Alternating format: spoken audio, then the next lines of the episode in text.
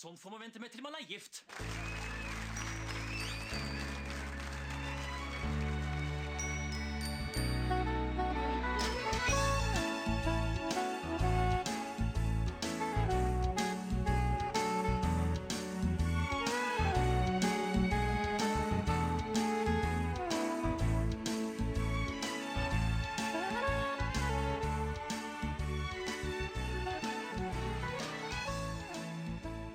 Hallo, velkommen til en ny episode av Norsk film filmpodkast. Podkasten hvor vi ser norsk film med et kritisk, men kjærlig blikk. Mitt navn er Emil. Jeg sitter her som alltid med. Stefan heter jeg. Og i dag har vi sett en film som uh, ligger veldig fjernt fra vår virkelighet. Uh, film som det er litt sånn vanskelig å kjenne seg igjen i, kanskje, for sånne typer som oss.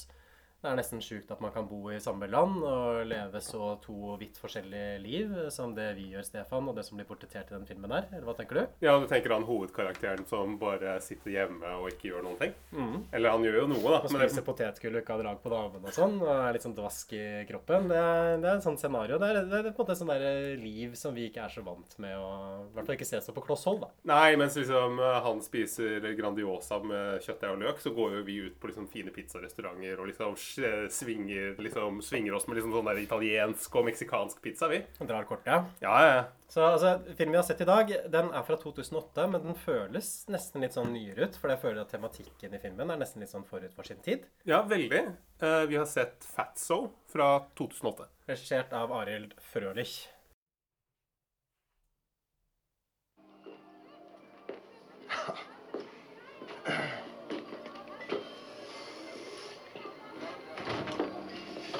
Hallo?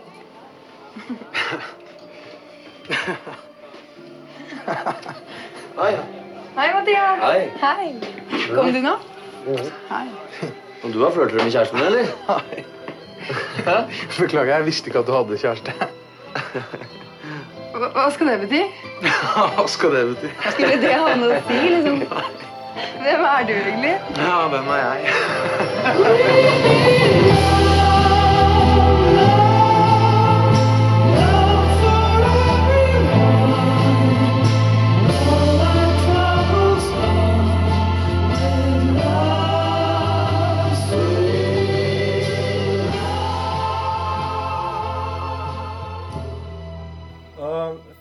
Er basert på en eh, roman med samme navn av eh, Lars uh, Ramsli. Har du noe forhold til den romanen eller filmen for så vidt fra før, eller? Nei, ikke romanen, men denne filmen her har jeg faktisk sett av en eller annen merkelig grunn. Så har jeg faktisk sett den et par ganger, men, og jeg huska den ganske godt. Det var liksom ikke så mye nytt for meg da jeg så den igjen. Nei, så dette er den tredje eller fjerde gangen for deg, da? Jeg tror faktisk det er den fjerde gangen. Såpass, ja. Så det, det er jo kanskje på et eh, tidspunkt i livet at jeg syns det var en god film. Jeg har uh, lest boka, faktisk. Du har lest boka? ja. Hvordan er filmen sammenligna med boka? Eh, Jeg leste boka da jeg var ganske ung. Jeg tror jeg leste boka omtrent da den kom ut. Da var vel jeg 14 år gammel. Oi.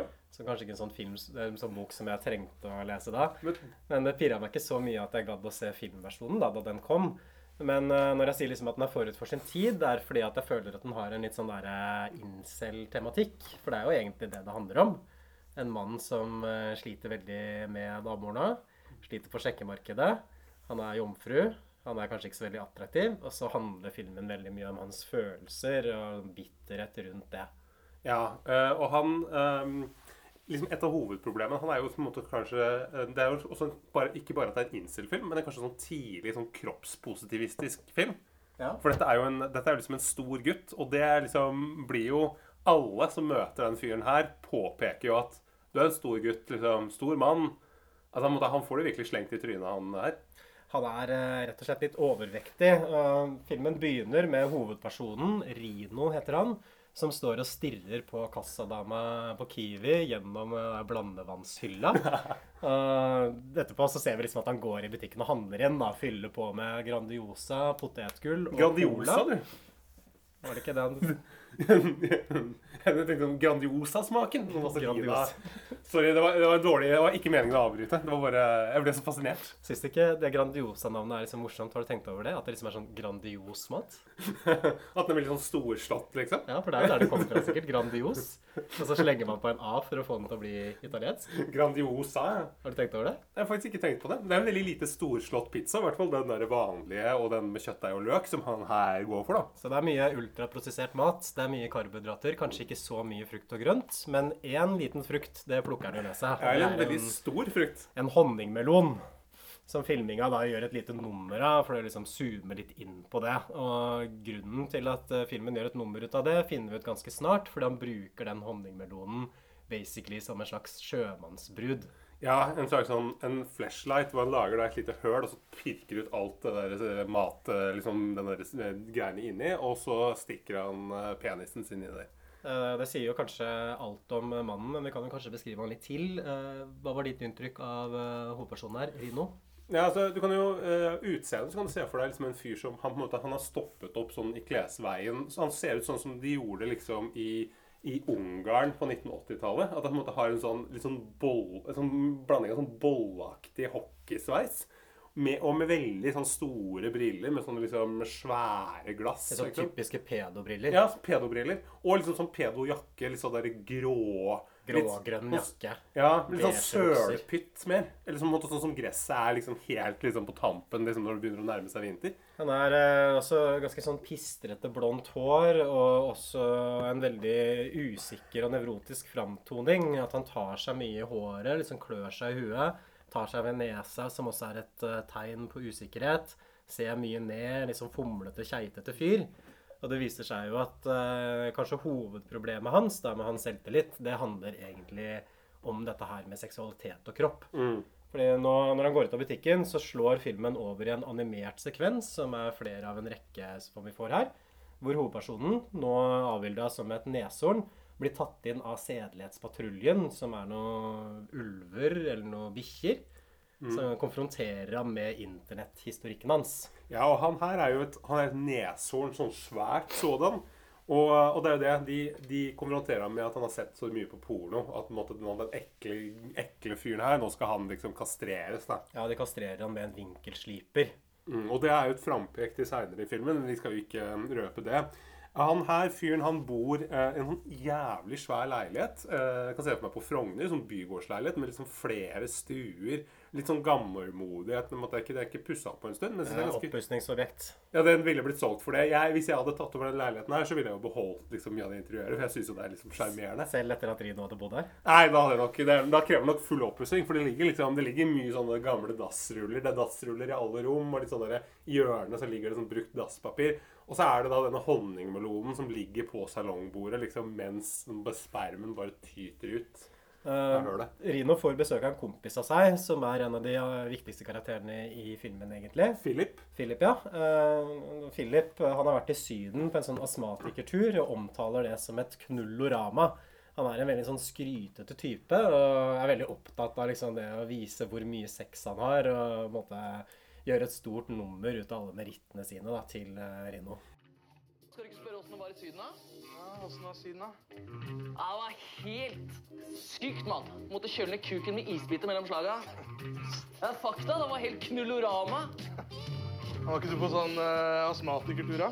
Du, astmatikerdamer, vet du. Dem er de mest underpulte damene i hele verden, dem. Ektemennene tør ikke å pule dem skikkelig. De er redd for at eh, de skal få anfall og dø, ikke sant? De er helt desperate. Men det sier jeg bare. Aldri, aldri pul astmadame. Hvorfor ikke det? Har så mye slim i brystet vet du, at den blir helt tørre i fitta. Den ene dama jeg pulte, da, du var 53. Hæ? Det er fakta på lørdag, mann. Du hadde gjort en feil. Det var helt psycho. For egentlig skulle jeg dele appartement da, med en fyr som het Kim. Men så viser det at denne Kim er ei dame, da. Men så sier den dama at, mm, at det var greit for henne, da. Vi skal ha hvert vårt rom, og hun hadde sønn på min alder og greier, greier. Og så tenkte jeg faen heller, dama er liksom langt over 50 og ikke var noe særlig fin heller, ikke sant? Men du veit åssen det er. Mus i hus er mus i hus. Det er vitenskapelig bevist at hvis en mann og en dame bor under samme tak over lengre tid, så er de bare nødt til å ligge sammen, ikke sant? Og i vårt tilfelle gikk det to dager. Mus i hus-teorien. Spiller ingen rolle om dama er 12 eller eh, 80 år gammel. Og det beste, vet du hva det var? Etternavnet hennes. Ja. Larsen. Hun het Kim Larsen. Jeg har fått meg pult Kim Larsen i 14 dager. Ja, han er sånn tjatrepetter, og han bare prater i ett sett. Og det er det eneste han snakker om, er jo altså disse erobringene sine. Og så isteden så har han sånn Han har noen sånne um, Han har liksom noen sånne egenheter, sånn særheter i språket. Han måtte si mye sånn Det er helt fakta på lørdag, mann! Det er helt fakta på lørdag. Ja. Det synes jeg var ganske bra, som jeg tenkte den skal jeg plukke opp og den skal jeg bruke. Du modellerer gjerne oppførselen din etter han. Jeg synes han hadde, noe, han hadde liksom noen gode sånn quotes innimellom. For det er jo liksom, Dynamikken mellom dem blir jo etablert veldig tydelig fra start. For det, det er jo tydelig liksom at de er litt sånn ensomme ulver begge to. Kanskje har vært venner ganske lenge. Var, var i sin barneskole eller sånt. Ja, hvor han Philip på en måte egentlig er en veldig sånn teit fyr, men i, i det forholdet da, eh, med Ryno, så blir han på en måte en kule av den. Så det er en sånn typisk nerd som liksom har en sånn teit fyr som kamerat for å kunne løfte seg selv litt opp. Litt sånn som deg, Stefan. Eh, sånn som du er med meg. Jeg tenker at, ja, at jeg er den kule og du er den teite. Ja. Jeg vet ikke, Hva er det mest flatterende? Hvem ville du helst vært i det paret? Ville du vært Rino, eller ville du vært han Philip? Jeg vil jo selvfølgelig være han Philip. Det ville det, ja. Av de to, selv om han er astmatiker og liksom har eh, Altså, han, eh, han At han sliter liksom med pusten og sånt, så ville det nok vært han. Astmatiker og kjederøyker. Ja. Jeg føler kanskje at han Rino har litt mer å gå på, da. Det får vi jo se utover i filmen også. ja, for det, han er litt, det er litt som en, en uslepen diamant, mens han andre her er ikke, det er ikke så veldig mye under overflaten på det vannet der. Fordi Nå går vi jo inn i fortitlene til filmen og etablerer jo, om man ikke har skjønt det allerede, at han Rino er en ekstremt sexfiksert type. Det er liksom sex og mat som man bryr seg om. Ja. Vi ser at han sitter og spiser burger, og så ser han liksom ut av vinduet, og så er det masse sånn fine damer i Sofienbergparken. Og sånn hele Norge eller Oslo er bare skikkelig deilige damer for ham. Det er det eneste han ser. Og så løper han hjem igjen med en gang for å onanere. Ja, for det er, veldig, det er jo mye fine damer i den filmen her. Og eh, et av problemene til Rino er jo også at han kommer seg jo ikke ut av leiligheten. Fordi han, han jobber jo på et sånt evig hjemmekontor. Han har den derre en av de liksom særeste jobbene. Men jeg har faktisk møtt noen som har, hadde samme jobb som Rino. Og det han gjør, er at han oversetter da Han er oversetter. Men ikke en sånn oversetter som du tror, som oversetter sånn fisefine romaner fra eh, fransk til norsk. Men han oversetter da verktøysmanualer, altså bruksanvisninger, fra tysk til norsk. Så han er veldig god i tysk nå. Tror du de har valgt at, han skal liksom, at det er tysk fordi det er sånn grisespråk, eller? Ja, garantert. tysk, tysk er, er på en måte grisespråk nummer uno i Europa, om ikke i verden. Det er jo, de er jo det, det de er kjent for. Det er liksom griser, pølser og øl. Ja, tysk porno. Ja. Og det virker som han Rino lever i en slags sånn evig binge, da, at han sliter veldig med impulskontrollen, at han spiser veldig mye usunn mat. Han eh, ser for mye på porno, han onanerer for mye. At han er veldig sånn grisete, skitten livsstil, men som han så skammer seg veldig over. At det er mange scener i filmen hvor det plutselig kommer noen på døra og liksom ringer på og skal inn i leiligheten hans. Og da må han liksom stresse med å rydde bort ølbokser og dasspapiret og ostepopposer og det som verre er, da. For det ligger jo, det er det, det er ekkelt og rotete der. Og en, en dag så kommer det en fyr på besøk hvor det er dette blir et problem. og Det er broren hans, som også eier denne leiligheten, tydeligvis. Ja, faren, er det ikke det? Nei, og jeg trodde det var broren. Nei, det er faren og broren. For det er jo faren til Rino, han gamle, og så har Rino en liten bror. Å ja, å, ok. Ja, men ok, men Ja, så det er far, en far som måtte ha funnet seg en yngre kone. Ja. Som, ja ok. Som igjen blir en sånn greie for seksuell usikkerhet. Da, ikke sant? For faren ser jo ganske sånn attraktivt og frisk ut, på en måte. Litt sånn brunstig 50-åring i full sving. Det var så kornete videokvalitet, så jeg så ikke helt hvordan han så ut. Nei, men det er også at han på en måte har fått seg da et ungt barn, antageligvis da med en ung dame, så han gjør det på en måte bedre enn det sønnen. Altså den, den sønnen hans er jo så ung at Rino på en måte kunne vært faren. Så jeg tenker at det liksom bare bygger enda mer opp under den usikkerheten. da, At han blir på en måte køkka av sin egen far Ja, indirekte. og det var, det var bra, god analyse. Men det er det du får i Norsk film filmpodkast. Og Vær så god. Det som, det som i hvert fall skjer, da, det er på en måte at den der lille ungen den, den driver jo vaser rundt der og greier å slå på noen pornovideoer og sånne ting. Uh, han, bro, Faren lar seg kvalifisere, tydeligvis. Han er vant til at Rino er en gris. Men den viktigste beskjeden han kom med, er jo det at Rino skal få en uh, roomie, en uh, romvenninne, romkamerat. Romvenninne. Mhm. hun, er, eh, hun heter Malin eh, og flytter inn. Jeg kom fra Sverige. svensk og greier, sier han. Hallo. Maling? Ja. ja. Rino. Rino. Mm, Rino Hansen. To s-er. Trevligt. Ja. Ja. Fin eh, lägenhet då. Ja. Takk. Det mye mycket plats. Ja. Dette her blir jo store historielinja i filmen, egentlig. Altså Hvordan Rino forholder seg til hun Malin etter at hun flytter inn. Før dette her igjen så får vi en liten scene hvor eh, Rino og han Philip er ute og spiller golf. Eh, hvor Rino får liksom øye på masse sånne digge damer som driver og står og liksom slår de der i golfslagene, og du ser liksom underbuksene deres, korte skjørt og alt det der. Så får han plutselig øye på seg selv i speilet. Og det speilet er som et slags sånn sirkusspeil som ser liksom enda verre ut enn det han vanligvis gjør. Og så ser han helt sånn forskrekka ut. Så det er et eller annet med den der avstanden mellom hans blikk på de kvinnene også et blikk på seg selv. At han føler vel kanskje som at de lever i sånn forskjellige verdener, på en måte. Der er de, de som er så attraktive, de som har masse sex. Her er jeg, ikke sant? og jeg kan aldri komme inn i deres sex- og digge-samfunn. Her er jeg dømt til å stå på utsiden for alltid. Ja, det, det symboliseres på en måte enda tydeligere ved at han drømmer at han er ute på denne svære golfbanen. Se for dere sånn dere golfere, liksom sånn 18 hull og liksom Du ser liksom Det er kanskje på Gran Canaria et eller annet sted. Du ser solnedgangen og sånn. Kjempefint. Og Rino ser ut som en dritdigg fyr. Eh, men i virkeligheten så står de liksom inni en sånn der plasthall oppe på Manglerud eller liksom borte bort langs E6 oppe på Alnabru. Så det er, det er, det er liksom Det er dette her eh, Det er sånn drømme, drømmesekvens. da. Ja, men han det er drømmer seg bort. bort. Typisk for det her i sånn incel-miljø også, at man har helt sånne bisarre ideer om hvor mye sex og liksom hvor mye tilfeldig sex folk flest har. Er i hvert fall mitt inntrykk. da. Hvis du leser liksom på 4chan og Reddit, så virker det som de tenker at alle bare er i en sånn ellevill orgi 24-7 omtrent. Så alle bare ligger med hverandre hele tiden, og de aldri har noe problemer knytta til seksualitet i det hele tatt. Hvorfor kan de ikke snakke liksom, med noen som er utenfor det miljøet? Det ville jeg på en måte jeg anbefale. Da. Kanskje på en måte ta liksom, eh, Besøk noen på gamlehjemmet, eller liksom, prøv å få noe, liksom, bli med i en sånn venneklubb. eller sånn. Da kan man møte nye mennesker som ikke er Som på en måte kan fortelle hvordan verden i virkeligheten er. Men en som eh, møter et nytt menneske nå, det er i hvert fall eh, Rino. Fordi i neste scene så møter vi da omsider hun Malin, den nye romkameraten hans. Hun er en eh, blond, ung svenske. Ganske pen. Midt i blinken for Rino utseendemessig, går jeg ut fra. Hans type. Men spørsmålet er jo om hun ser han Om han er hennes type. Det får vi se. og Hun forteller da at hun har flytta til Norge for å få litt sånn orden på livet sitt. Det skal ikke være noe festing, ikke noe drogas, ikke noe dop. Absolutt ingen killer, sier hun. Så det også er jo i utgangspunktet midt i blinket for Rino, for da blir det ikke noe konkurranse mellom dem. Nei, hun skal bare sitte, hun skal bare jobbe et eller annet sted, og så skal hun komme hjem til ham hver dag. Prøve å få livet på rett kjøl var liksom bli en partysvensk i Oslo. Jeg tror kanskje ikke det er tidenes plan. Men uh, Malin drar i hvert fall på jobb, og det første Rino gjør, er selvfølgelig å gå inn på rommet hennes og begynner å sniffe på underbuksene.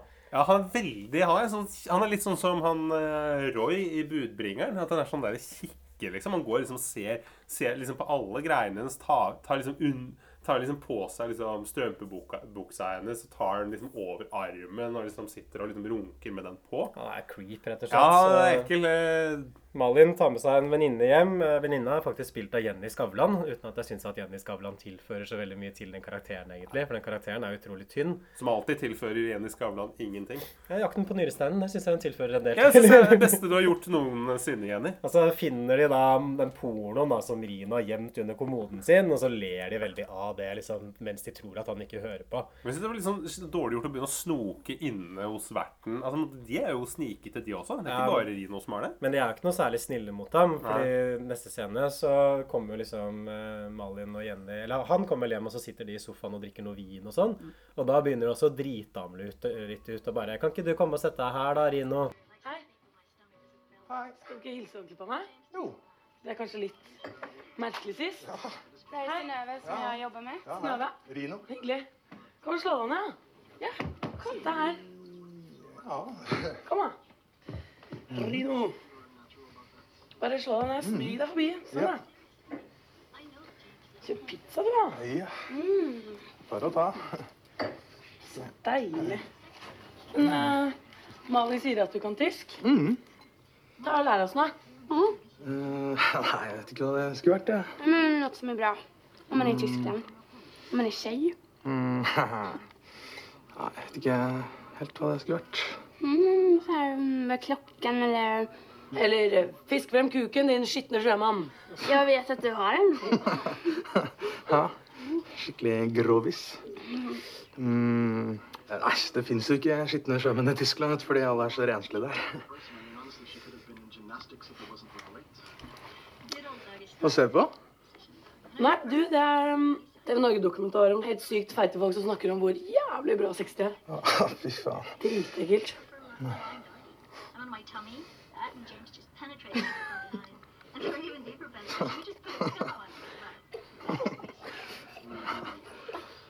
Fy faen, det blir litt for sykt for meg. Rett og slett. Du får lov. Noe Vi er dritslitne. Ja, vi er trøtte. Vi har vært ute i solen hele dagen. Kom og sett deg igjen. Nei, jeg må jobbe uansett. Mm. Men du, vi skal ut og feste i kveld. Skal du med? Da bli med, Rina. Nei, for jeg har deadline i morgen, så jeg skulle Ja.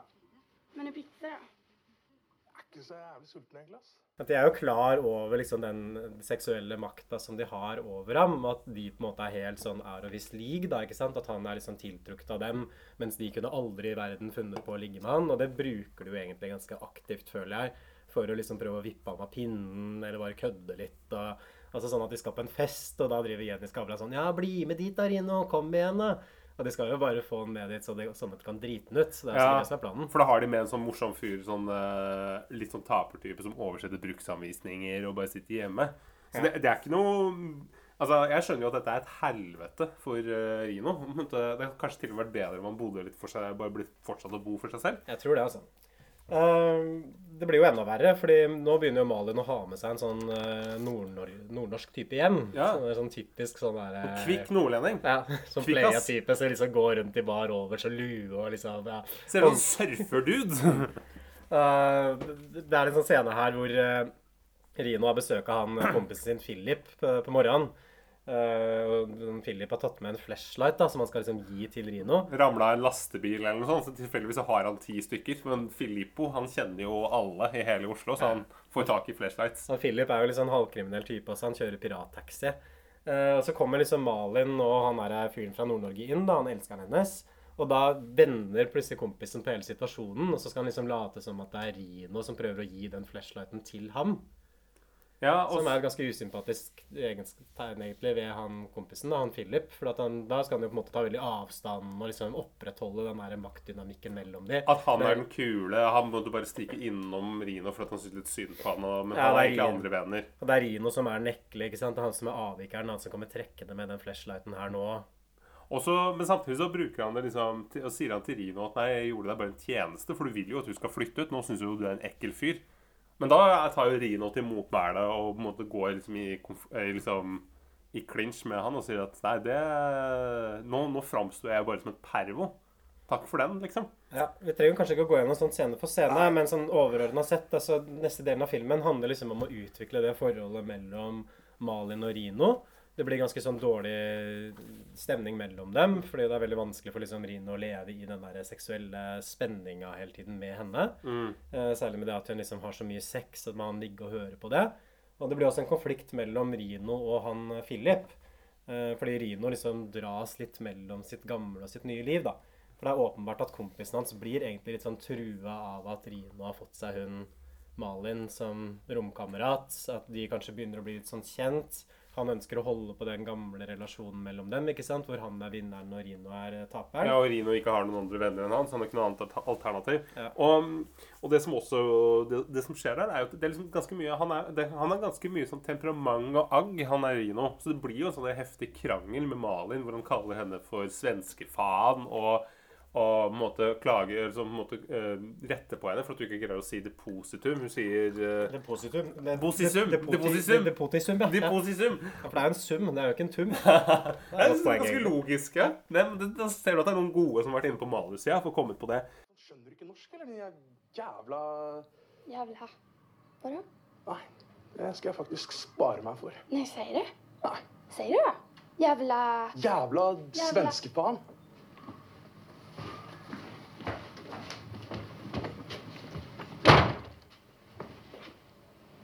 Nej, jättebra Rino. Säg det igen. Hva da? Svenskefan. Hva er det du sier for noe? Er du helt sjuk, eller? Kom igjen, da. Hva er det med deg, bittemus? Hva sa du? Fittemus. Bra. Mm. En gang til. Høyre. Ja, fittemus. Høyre. Fittemus! Fittemus! Du er en jævla fittemus! De skværer opp og blir liksom venner etter dette her. Jeg syns, jo, jeg synes jo Rino eh, Selv om han blir liksom veldig sint, så syns jeg han tar Han måtte ser seg selv ganske godt utenfra. Ja, han er jo liksom noe i han tross alt, da, ikke sant? At han vil jo ikke leve det livet, i motsetning til kanskje incel-typer flest, inkludert han kompisen. Så han virker ikke som noen sånn typisk kvinnehater, egentlig.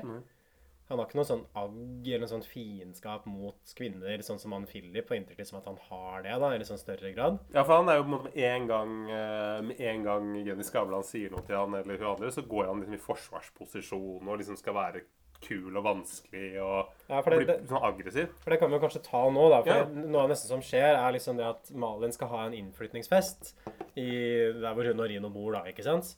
Og Rino blir veldig glad og gleder seg veldig til den festen. Men han skjønner kanskje at det liksom er en av de første festene han er på noensinne. Han blir litt sånn eh, Han blir litt sånn som hvis dere ser for dere Harald Eia, denne Thomas André-karakteren ja, i ja. Mm. At det blir sånn derre er sånn, kanskje vi skal ha sånn dørvakt som står utenfor, og Det hadde vært kult, da. Dørvakt på hjemmefest, liksom. At det kommer til å bli helt sjukt der.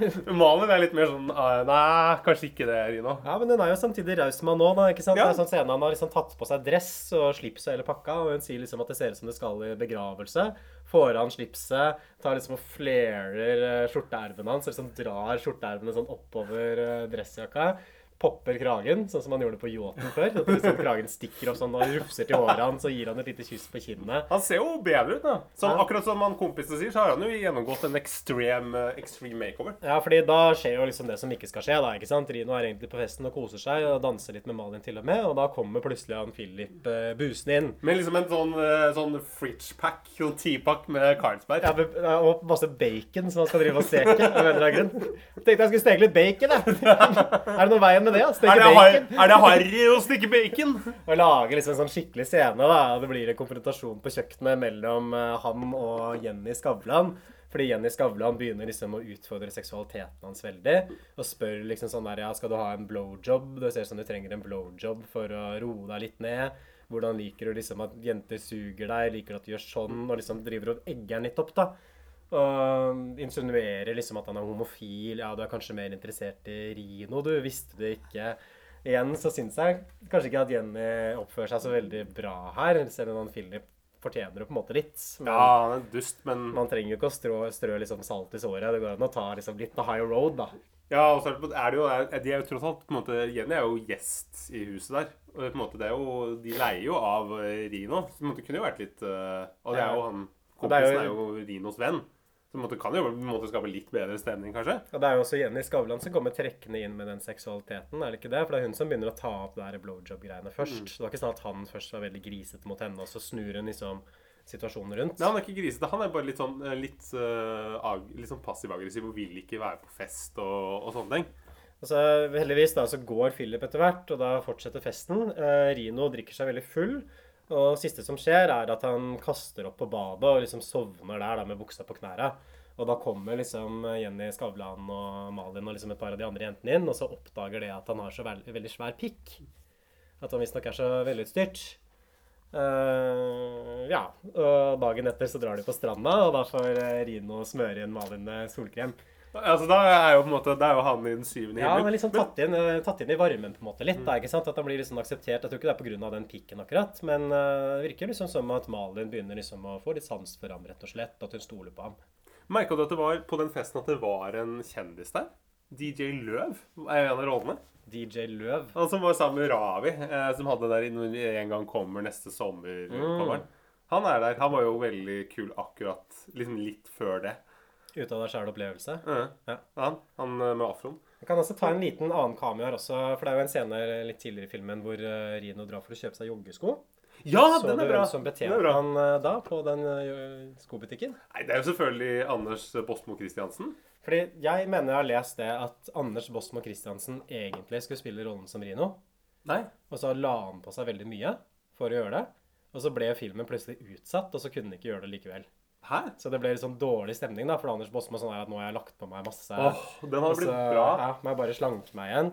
Jeg tror nok at filmen hadde blitt ganske mye bedre med Anders Bosma Christiansen i hovedrollen. fordi det er et av de svake punktene for meg, er nok eh, hovedrolleprestasjonen til han eh, Nils Arne Kålstad. Ja, eh, Nils Jørgen Kålstad, Nils Jørgen, eh, som ja. spiller Rino. Det, det, han er jo med i nesten hver eneste scene i filmen, og filmen står og henger veldig, veldig mye på ham. Han er jo i og for seg troverdig, men jeg syns ikke han er helt sånn karismatisk nok på en måte, til at det Nei. blir så interessant å se på ham. Nei, og det, det er det jeg, eh, eh, det jeg alltid stusser på med Nils eh, Jørgen Kålstad, er jo at han, han har en sånn eh, Han er veldig Han spiller alltid samme rollen, og han har dette herre som gjør at han er veldig usympatisk. Han har den der bedrevitende måten å snakke på, selv om han ofte spiller sånne liksom, taperkarakterer. At det er sånn uh, Ja, det er faktisk sånn! Å ja, ja, ja, sånn ja. ja, sånn ja. Jeg skjønner hva du mener. Ja, At det er sånn eh, Ja, det er faktisk den eh, Du sier det positivt, du. At han har den der, han er sånn snerpete, litt sånn som Elling har. Bare at hos Per Christian Ellefsen så er det jo tilgjort, liksom. Han har på en måte lagt det til seg. Mens hos han så her så er jeg usikker på at han, alle rollene han spiller, er, er Det er akkurat alltid dette bedrevitende tonefallet. Så jeg lurer på om han bare er sånn. Jeg synes det er på en måte det, det gjør han fryktelig usympatisk. Ja, det er sånn jeg sleit litt med meg sjøl også da jeg så filmen. Fordi det er jo Det kler jo på en eller annen måte rollen også det at Rino er en såpass usympatisk og ukarismatisk tilstedeværelse. For det, det er jo karakteren. Men samtidig så blir det litt sånn der tungt iblant å sitte og se på det. Jeg sitter og tenker sånn Hvorfor skal jeg på en måte bruke såpass mye tid med en så stusslig karakter som har så lite gående for seg, at jeg syns ikke at jeg klarer å få ham sympatisk nok til at jeg blir helt med som seer og begynner å heie på ham. da. Og filmen, at Han er jo også veldig ekkel, så jeg synes nesten var litt sånn, det ble en sånn, sånn der ekkel film å sitte og se på. Og det er jo i og for seg på en måte realistisk og troverdig, for det skildrer jo noe som er ganske ekkelt. Ja. Men en spesielt god filmopplevelse, det blir det ikke nødvendigvis. Nei, jeg, jeg tror det hadde blitt bedre med Bosmo. Men jeg synes jo altså, også en av de bedre scenene er jo den Bosmo-scenen hvor han da er, jobber i sportsbutikken. Bosmo også er litt lubben, men tar jo liksom, er jo liksom ganske slem mot Rino som skal kjøpe joggesko.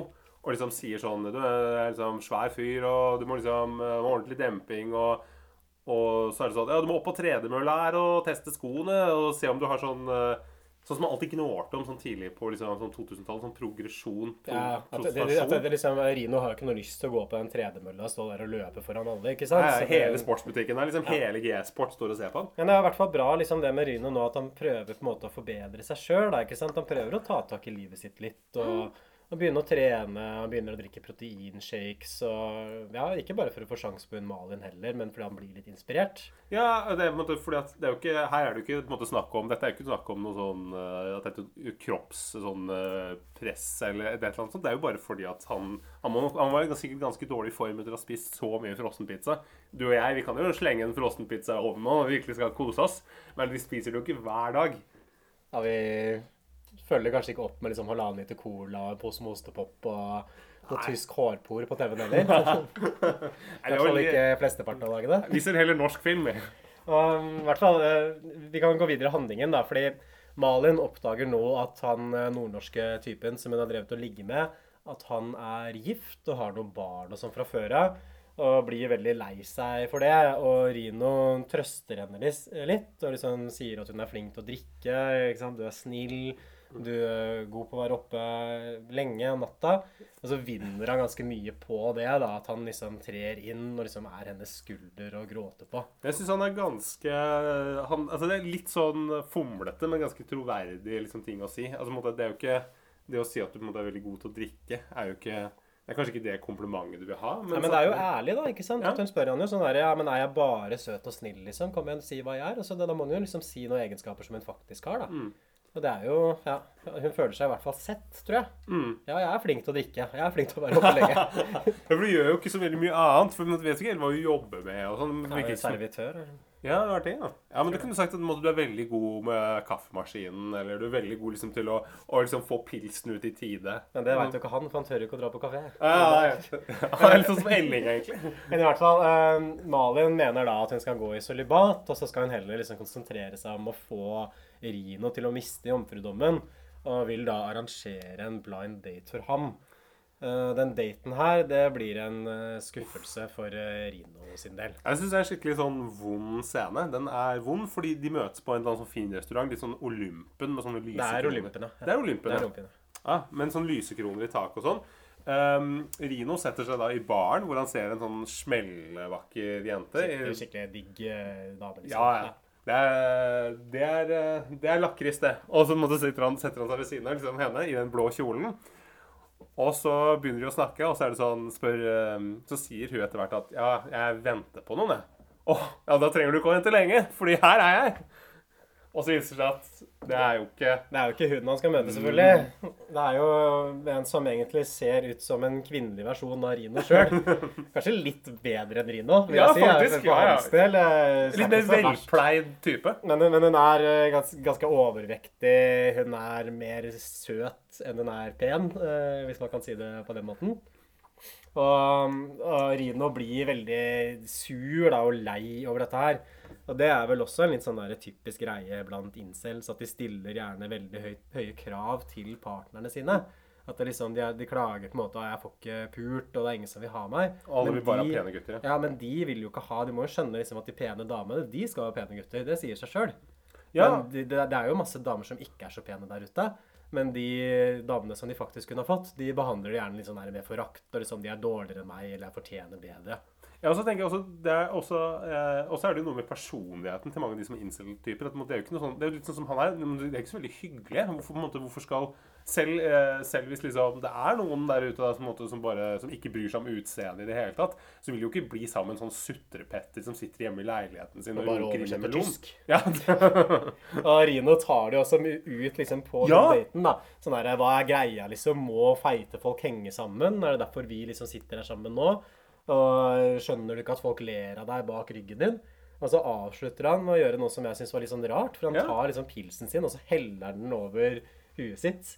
I en slags sånn symbolsk protest. Og så reiser seg opp og går, da. Men det er sånn å tenne på seg selv eh, på en måte. Det var, virka litt sånn. Han måtte bare Det var i hvert fall en sånn rar, en rar sorti. Ja, så han, han krangler jo også med Malin når han kommer hjem, og like etter så får vi en sånn animasjonssekvens hvor Rino, altså neshornet Rino, dette tegneserienesornet, nå i rollen som kaptein Kuk, som befrir liksom de andre neshornene. Og så trekker han fram dobbeltmoralen, liksom at kvinner, liksom seksualiteten deres, den skal på en måte frigjøres og feires. Og det er bare bra liksom hvis kvinner bruker sexleketøy, og de har disse liksom dildo-kveldene sine hvor de bare sitter og leker deilig og bruker sexleketøy på seg selv, og alle syns at det er bra. Mens eh, hvis vi menn har lyst til å ha en flashlight eller en sjømannsbrudd, da må vi gå rundt og skamme oss. Eh, Så det er en sånn typisk tematikk igjen, dette her, da, at man mener at det er en slags sånn dobbeltstandard. Liksom Kvinneseksualiteten er god, mens den mannlige seksualiteten er dårlig. Mens det de damene egentlig trenger, er å bare få pult, liksom. Og da helst pules av oss, da. Liksom, Ja. i incel. Incel-gutta. Ja. Men det kan man jo det, man kan jo det man kan være enig i, er jo det der at man feirer jo liksom I hvert fall, var det en stund hvor man på en måte bare åpent feira kvinnelig seksualitet i media. Men på en måte mannlig seksualitet er jo noe man gjemmer bort, og som er ekkelt. Det er jo et visst poeng, det der, så klart. Ja, ja. Altså, altså, hvis man, måte, når man snakker om kvinnelig seksualitet, så er det gjerne på en positiv måte, mens Mm. mannlig seksualitet framstilles jo ofte som enten som veldig skummelt og voldelig, eller sånn patetisk og trist og flaut. Altså, som, akkurat sånn som Rino som Ja. sitter og runker inn i melonen. Og nå er det på en måte de voldelige aspektene som kommer inn. Da, sant? Det voldspotensialet. At det er sjelden man ser veldig sånn positive skildringer av mannlig seksualitet, i hvert fall i kulturen nå for tiden. Så akkurat der eh, er man kanskje inne på noe. Og det som i hvert fall skjer nå, er jo at uh, nå går uh, han litt tilbake til sitt gamle liv igjen, han Rino, fordi han møter da Philip igjen, og vil på horehus. For da måtte, skal, liksom, nå skal han måte kjøpe seg eh, liksom, Han skal kjøpe seg sex. Som Philip har snakka om tidligere i filmen. sånn der, 'Skal ikke vi dra på bordell?' Og da har liksom Rino vært veldig sånn 'Nei, jeg gidder ikke det'. Men nå er, det, nå er han liksom litt på sånn rock bottom, så han tenker liksom 'fuck it, nå drar jeg'. Ja, han er veldig sånn fuck it. Nå, liksom, jeg, nå her skjer, skjer det en endring i styrkeforholdet hvor, hvor Rino helt åpen, og liksom, åpenbart virker som at måte, han har avslørt liksom, han der eh, Philip. Og på en måte skjønner at Philip har liksom ikke, han har ikke så mye seksuell erfaring. og Han er ikke noe han er liksom egentlig ikke en sånn kul fyr. Han er bare en bløff. ikke Ja, sant? Han er, ikke noe, han er ikke tidenes mest selvsikre fyr som bare sprader inn på dette horehuset og tar for seg. ikke sant? Ja, du, du, har, du vet Han måte først angrer på en strippeklubb, og Rino bare sånn Du vet ikke hvor horehuset er, du. Det er derfor du tar med meg hit. Og til slutt så kjører de inn i en eller annen sånn rar bakgård og banker på en eller annen dør, og så viser det seg faktisk at denne her eh, Philip han vet hvor horhuset er. Til han, hans fortjeneste. Ja. ja, men han vil ikke gå inn, da. Ja, for det er, det er- ganske stusslig, det horhuset som han kommer opp i. Eh, Se for deg sånn studentkollektiv i Trondheim liksom, hvor det bor seks stykker liksom, som deler kjøkken uten oppvaskmaskin. Ja, Det det, blir ikke, sånn. det blir ikke helt som Rino hadde tenkt seg. da, ikke sant? At disse damene bare står liksom på et kjøkken. Det er mange av dem som står og spiser brødskiver. Sitter og røyker. eh, det er en sånn trist eh, stemning. I tillegg til at Rino er jo så jævlig redd for damer, ikke sant? så han tør jo ikke å ligge med noen. Nei, når de kommer og sier 'hello, big boy', eh, så blir han bare sånn Og de begynner å klenge på han, så bare vrir han seg litt sånn unna. Står liksom og tar hendene opp i fjeset. liksom Helt sånn der, blir helt perpleks, og så ender det opp med at han bare stikker eh, bort fra hele situasjonen. Ja. Og så kommer han hjem eh, direkte etterpå og oppdager da Malin som ligger og gråter og er ganske full og ligger liksom ute i gangen der. Hun forteller at hun har slått opp med typen sin, hun har mista nøklene sine, og så vil hun at Rino skal sove med henne, for hun har ikke lyst til å sove aleine. Jeg vil si at Malin er eh, relativt tillitsfull, men det kan hende liksom at hun er så dritings at hun liksom mista dømmekraften sin, men hun veit jo at han Rino er en jævla gris. Ja, hun er ung, blåøyd og blyg, som Holmsve ville sagt. Og det ender jo opp med at Rino blir liggende og liksom runke ved siden av henne da, i senga. Og hun eh, våkner opp og tar jo selvfølgelig og klikker for det. Og liksom sier til han sånn Tror du at jeg vil ha sex med deg? Ikke sant? Tror du at jeg vil ha Feite noe med deg å gjøre? Din feite gris, ikke sant? Din pornoslask. Og bare bekrefte det negative selvbildet hans. Og nå topper det seg litt for Rino, for da Hva gjør han nå? Nei, han, eh, for, eh, han tester jo som sagt verktøy, og han har jo nå et helt nytt verktøy som han skal skrive bruksanvisning på. Dette er en sånn multikutter. Eh, Det betyr den kan kutte gjennom alt, også penisen til Rino. Og det er jo det han da prøver å gjøre. Han prøver å skjære av seg penisen med en sånn multikutter. Og det går vel sånn halvveis. altså Det spruter liksom blod opp i fjeset hans. Men hva, hva syns du om den scenen her, sånn helt ærlig? Følte du liksom at filmen gikk for langt her, eller? At Nei, det er jo en veldig veldig ekstrem handling, og da liksom det at han står der som maler sånn Kom igjen, gjør det, gjør det! At hun og veldig hisser han opp, liksom, og egger han opp. Uh, men jeg, jeg, jeg tolker det som at Rino bare liksom er litt Han måtte stå for han, måtte, han gjør det ikke med vilje. Han har på en måte ikke tenkt å gjøre det. Nei. Men så kommer han akkurat borti penis med den der multikutteren. Og den som dere som liksom har blåbors og devalt og sånn, dere vet jo at det er liksom, man kan ikke spøke med de kutterne der. Det må, de skjærer Kommer gjennom alt. Til og med stål og sånn. Så det er ikke noe problem å kutte gjennom den batongpenisen til Rino med den der. Uansett hvor hard den er, ja. Nå blir han jo, redda av eh, vennen sin eh, Philip, da, heldigvis. Eh, Philip ender også opp med å bli lagt inn faktisk på sjukehus. Han har kanskje en mer sånn alvorlig tilstand til at han har drukket så mye eller noe sånt. Han røyka masse og sånn. Og bare sittet i den der 70-tallsbilen sin. Og når Rino kommer hjem igjen, da, så oppdager han at Malin har funnet disse tegningene. At liksom de tegningene han har sett da, med dette neshornet, det er på en måte Rino sjøl som har tegna. Han er tegneserieskaper. Ja, så liker hun det veldig godt. Eh, Hun liksom mener at han er veldig god på å se andre folk. Han ser eh, seg sjøl. Og hun sier nå at hun skal flytte hjem til moren sin i Sverige og prøve å være litt mer aleine.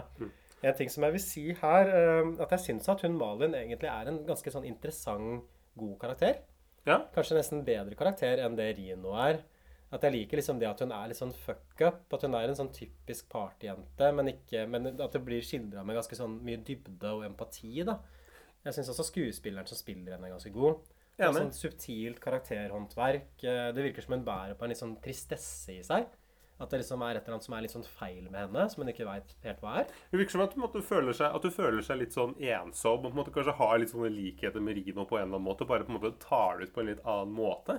Ja, at det er en sånn interessant parallell mellom de, liksom. At jeg, måte, jeg, fordi ofte i sånne filmer så kjøper jeg ikke de vennskapene mellom to parallelle verdener som møtes, fordi at på en måte karakterene er for ulike. Men her så ser du Det er kanskje at det er godt håndverk i boka, men at du ser det at det her det er, det, er en, det er en likhet. Det er ikke helt urealistisk at Malin hadde f- eh, måtte fått litt sansen for Rino. Nei, det For at du har klarer det- Ja. For at du har det der liksom At det usikre og liksom det der litt sånn eh, At du ikke vet helt hva hun vil.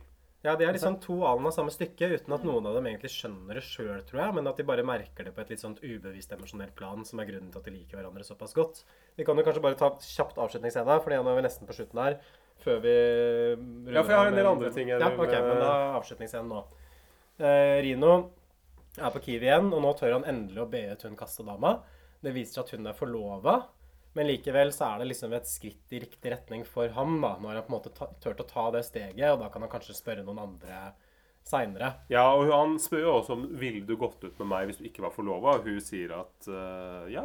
Hvorfor ikke? Hvorfor ikke? Det er lett å si da når du er forlova. Ja, det er det. Det, en måte, det, er, det er bare for å være hyggelig. Og det, det er egentlig greit skildra. Er det er jo sånn du opplever når du er i butikk. Altså, hvis du er liksom Ja, sånn som jeg, som måtte ha jobba mye i butikk. Jeg har jo opplevd det flere ganger før. At måtte folk spør meg ut. Og Da sier jeg jo alltid nei. Sånne typer som Rino, stort sett. da. Ja. det er Ofte deiligere òg, da. Rino poster dette tegneseriemanuset sitt, og så slutter filmen med en ganske fin scene, egentlig, hvor han går liksom over eh, Ryes plass på Grünerløkka, omgitt av masse nakne damer i en sånn fantasisekvens. Men nå så går liksom Tidligere i filmen så har jo Rino alltid stått og observert disse damene på avstand og vært ganske sånn redd.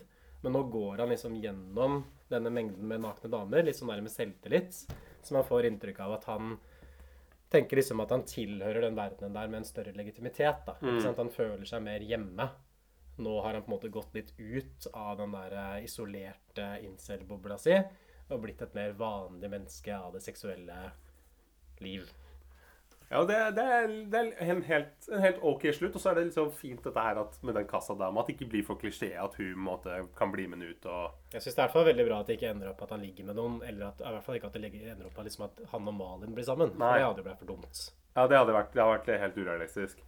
Det er noen fascinerende ting her. Eh, Det, det jeg likte litt, det er det at, som et positivt, eh, er positivt, er at ofte i filmer når eh, hovedpersoner eller noen karakterer driver med noe sånn kunstnerisk, f.eks. poesi, eller skriver en bok, eller tegner, så er det produktet de på en måte viser fram, som den personen her skal ha laget, f.eks. tegningene, da, ofte veldig dårlige. og en måte at det er sånn, å, Han er en kjent tegner, og så ser du liksom noe som ser ut som at det er liksom tegna på sånn eh, på sånn uh, friundervisning av et eller annet sted av sånn der halvgammel dame, liksom. Men her, de tegneseriene han lager, tenker jeg faktisk Jeg kunne Jeg, kunne, jeg hadde ikke blitt overraska hvis jeg hadde sett et blad med dette her, at det ut helt greit. Så det er helt realistisk at Malin blir litt sånn imponert over det han lager. Eller hva tenker du? Ja, jeg er enig. Det er vel bedre enn de der tegneseriene som uh, Anders Dansen Lie tegner i Mm. 'Verdens verste menneske'. Husker ikke hva han heter. Han der i tegneserie. Han som er den der kaviartypen som uh, rumpehull. Nei, men jeg, jeg syns uh, generelt sett at vi skal avrunde litt på vurdering her.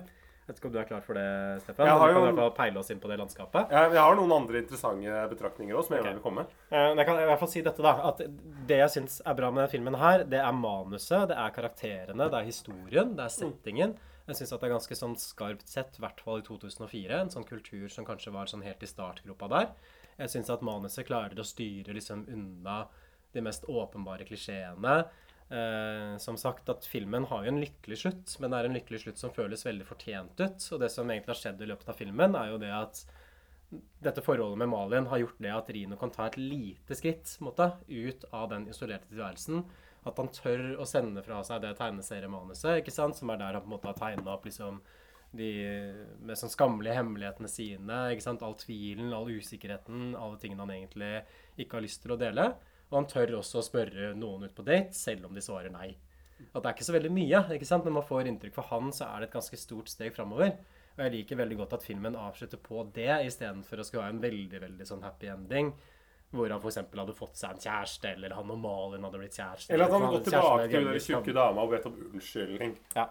At det føles veldig fortjent ut. Og jeg syns at det filmuniverset her, og liksom karakterene og, og rett og slett det manusmessige arbeidet, noe jeg mistenker skyldes at det er basert på en ganske god bok, tenker jeg nå i hvert fall. Jeg husker ikke hva jeg syntes om da jeg leste den som 14-åring, men basert på opplevelsen min her nå, så tenker jeg den er god.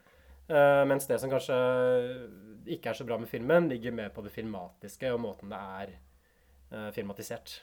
Ja, og, og skuespiller nå det, det filmatiske er litt sånn Det er snodig, fordi både han Rino og han eh, kompisen Philip har liksom, de ser jo ut som at de lever liksom på 70-tallet. Altså han, eh, Philip har sånn svær afro, går liksom i sånne piké-gensere, kjører i en bil som er fra sent 70-tall, som jeg ser, en eller annen eh, Toyota eller Mazda eller noe sånt. Så det er veldig sånn, er veldig sånn 70-tall sånn koloritt, og så fargetonene er litt sånn, litt sånn brune duse, litt sånn som i den siste revejakta. Ja, den er veldig sånn blast. Dette ser nesten ut som en periodefilm fra 70-tallet, tenkte jeg på også. Veldig lys. Ja, veldig. Sånn Sånn overeksponert. sennepsgul eh, Ja. fargepalett. Sennepsgul. Det er bra, det er bra skildring. Jeg, jeg syns egentlig ikke at den stilen passer så godt overens med filmens handling. At jeg skulle ønske at filmen kanskje hadde en litt mer sånn, hadde en sånn røffere stil. Men jeg er enig. at den var litt mør Altså, Jeg kunne sett på hvem ellers mer sånn Paul Slett-Aune. At den er på en måte litt mer Ja, kornete og litt, Litt mer glitty, rett og slett. Mm, jeg tror jeg hadde kledd den, for den er veldig Den er samtidig den har den der 70-tallskoloritten, men den er også veldig polert, sånn på en måte med filming. Og det er veldig mye sånn stillestående kamera, mye, veldig mye studio, liksom lite ute. Altså, veld, og mye sånne Altså, disse, disse, de drømmescenene ser litt ut som at de er i en sånn Barbie-verden. Altså, på en måte, alt er, det er veldig sånn polert og animert. da. Så den er sånn Den er for, den er for altså, den, gir, den, den gir liksom den tyder, Det er veldig sånn amerikansk sjangerfilm da, i filmspråket. Ja, eller jeg vet ikke hva de har prøvd på helt. Er, Nei. men den siste revejakta er en opplagt referanse her. eh, Og det sier vel kanskje alt. Fordi den siste revejakta er ikke en spesielt pen film, det heller. Nei, ja. Men det, der passer det på en måte hvert fall litt til at det skal være en sånn derre 70-talls hippie-hasjfilm. Ja, den foregår jo på 70-tallet, så det ser jeg, men dette her er jo på en måte Den her boka er vel ikke skrevet på 70-tallet? det, det ser ikke ut som Oslo i 2008. Nei. At det ser det vel sånn rar tidskapsul, fordi filmens handling føles ganske moderne ut, og stilen ser veldig sånn gammeldags ut, og så kom filmen ut i 2008, som er sånn verken eller, passer verken tematisk eller filmmessig. Det er veldig rart. Så det, det, det, jeg, jeg, jeg ble overraska, for at jeg så filmen først, og så hadde jeg ikke sett på årstallet. Så jeg ble veldig overraska. Liksom, gikk inn og så Ja, 2008? Ja, riktig. Da kom den. Ja, Kunne ha vært 2018. Kunne ha Ja. Den kunne vært, den kunne, ja, for den, den kunne vært alt liksom etter fra 2005 og utover, egentlig. Men jeg syns den, holder seg sånn relativt bra. Har du noe mer, eller? Før vi skal runde av, Nei, vi kan bare runde av. Altså, du kan, jeg, kan, jeg kan gi terningkast først. vi kan jo kanskje, kan kanskje si litt om den der incel-tematikken. da. synes du liksom at, fordi Min tese her er jo at dette her er en sånn proto-incel-film. Er du enig i det? liksom? Syns du at det portretteres på en god måte? Ja, du tenker en incel uh, ja, altså det er jo, han, er jo, han er jo på en måte forut for sin tid som incel med at han liksom er så uh, på en måte det, det kvinnesynet han har, liksom som på en måte kvinner bare som sånn seksuelt objekt. Og på en måte det her at han liksom bare graver seg ned i det her at han på en måte er tjukk og liksom er stygg og på en måte han, han kommer ikke til å få noen uansett. Så hvorfor skal han gå ut av døra da og vaske seg, liksom? Ekstrem sånn seksuell usikkerhet. At man Ja. bygger opp en sånn utrolig barriere mellom seg selv og resten av samfunnet. da. Som er det jeg inntrykk er det som skjer liksom inni det, de forumene. Og så får man stadig mer urealistiske ideer om seksualitet fordi man bare sitter og ser på porno. Eller sitter og shitposter sammen med andre incels som ikke har snakka med en dame på fem år, liksom. Og det er jo kanskje det som man lærer seg litt her også. At han begynner å se på Malin mer som et menneske, da. Ikke bare som et sexobjekt. Men at han lærer henne å kjenne, liksom ser at også hun har problemer. Ja, men det det så, gjør det lettere for ham også å skjønne sine egne problemer og behandle dem. ja, men det er så vidt at han gjør det også. For det på en måte er jo det der, den, en av de siste scenene med Malin er jo hvor han ligger og ligger i senga sammen og, du runker til henne mens hun ligger og sover. Ja, men boys will be boys, da. Er det en eh, Nick Hornby-referanse? Nei, eh, nei men eh, Ja, jo, så klart. Så, så han er jo ikke fullstendig helbreda, så klart. Men det er i hvert fall et eller annet med det at han går litt ut av den bobla. At hun hjelper han ut med det, ut av den. Det føler jeg på en måte er det som skjer i filmen. Ja, for han snakker jo han, ja, han er jo også på en måte helt ærlig på følelsene sine og sier til henne at du har på en måte forandra livet mitt og det har blitt så mye bedre. Det er ganske For en sånn fyr som er litt sånn eh, eller inneslutta og på en måte som han, så er jo det en ganske stor ting å si. Å være så ærlig og på en måte være såpass sårbar. da, På en måte Si at 'jeg har ikke så mange venner, men liker deg veldig godt likevel'. Men det er det som redder ham litt også. ikke sant? At han er en sånn empatisk person. For det er en ting som ikke er så mye av den filmen her, så har vært en del ellers, er jo kanskje det derre sinnet, ikke sant? Som man assosierer med en del sånn kultur. Og vold, og, ikke sant? Og ganske sånn stygg atferd. Det er det jo mer han Philip som står for, kanskje. Jo, men han er jo Han her har jo veldig sånn heftig temperament når han på en måte skjeller ut Malin, eller at han på en måte Han har jo ikke Han har tendenser til det, ja. Ja.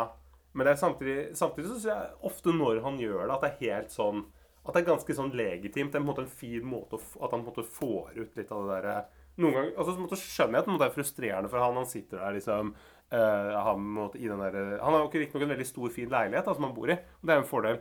Men han sitter der liksom litt sånn tjukk og liksom uh, ikke noe mye framtidsutsikter og sånn, og bare jobber med bruksanvisninger. Og så kan han høre på hun der 20 år gamle jenta som er liksom ganske pen, og som sitter og klager over livet sitt fordi at eh, eh, Den dritkjekke typen som hun driver og ligger med, viser seg at han har barn. Ja, jeg skjønner jo at Rino blir provosert. Tid for deg å ha problemer med kjærester. Liksom, problemet mitt er at jeg får, får meg ikke noe kjæreste. Liksom. Det, velkommen til min verden. Så det, Ja, for selv sånne kjekke folk som oss kan jo greie å sette oss inn i det, faktisk. men, jeg, men jeg liker jo på en måte det litt også med at filmen portretterer jo også hans livsverden med en viss sånn empati, og den viser jo kanskje at det er noe liksom i det også. Jeg tenker spesielt liksom på de scenene mellom han og Malin og Jenny Skavlan, Mm. hvordan de liksom erter ham litt, ikke sant? At de teaser ham.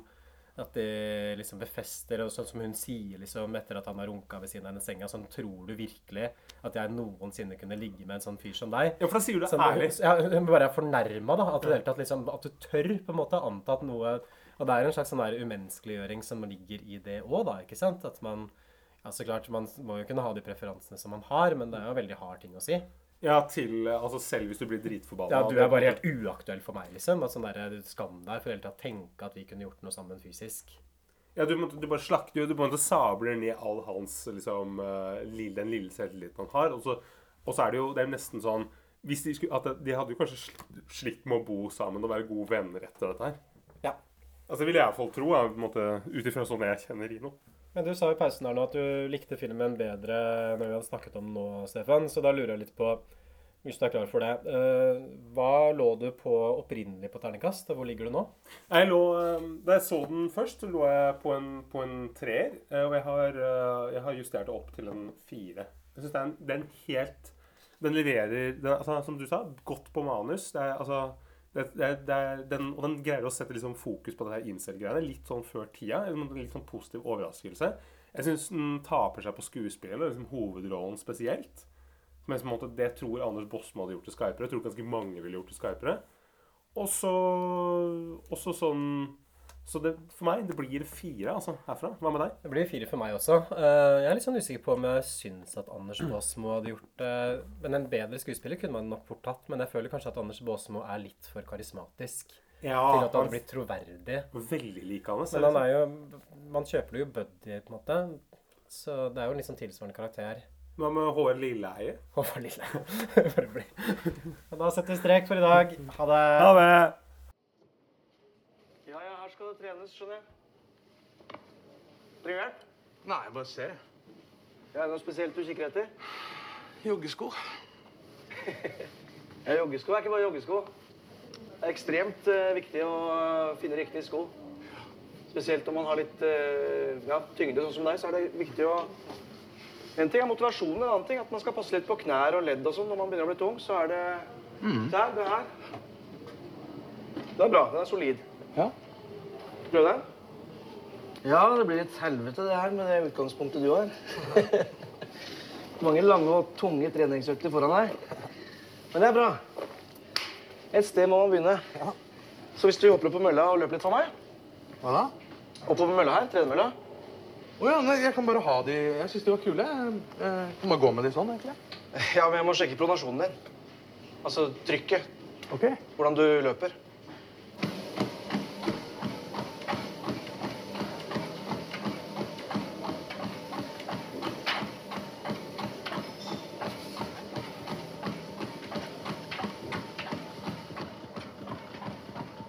Skal vi skru opp litt her? Kjøre på litt?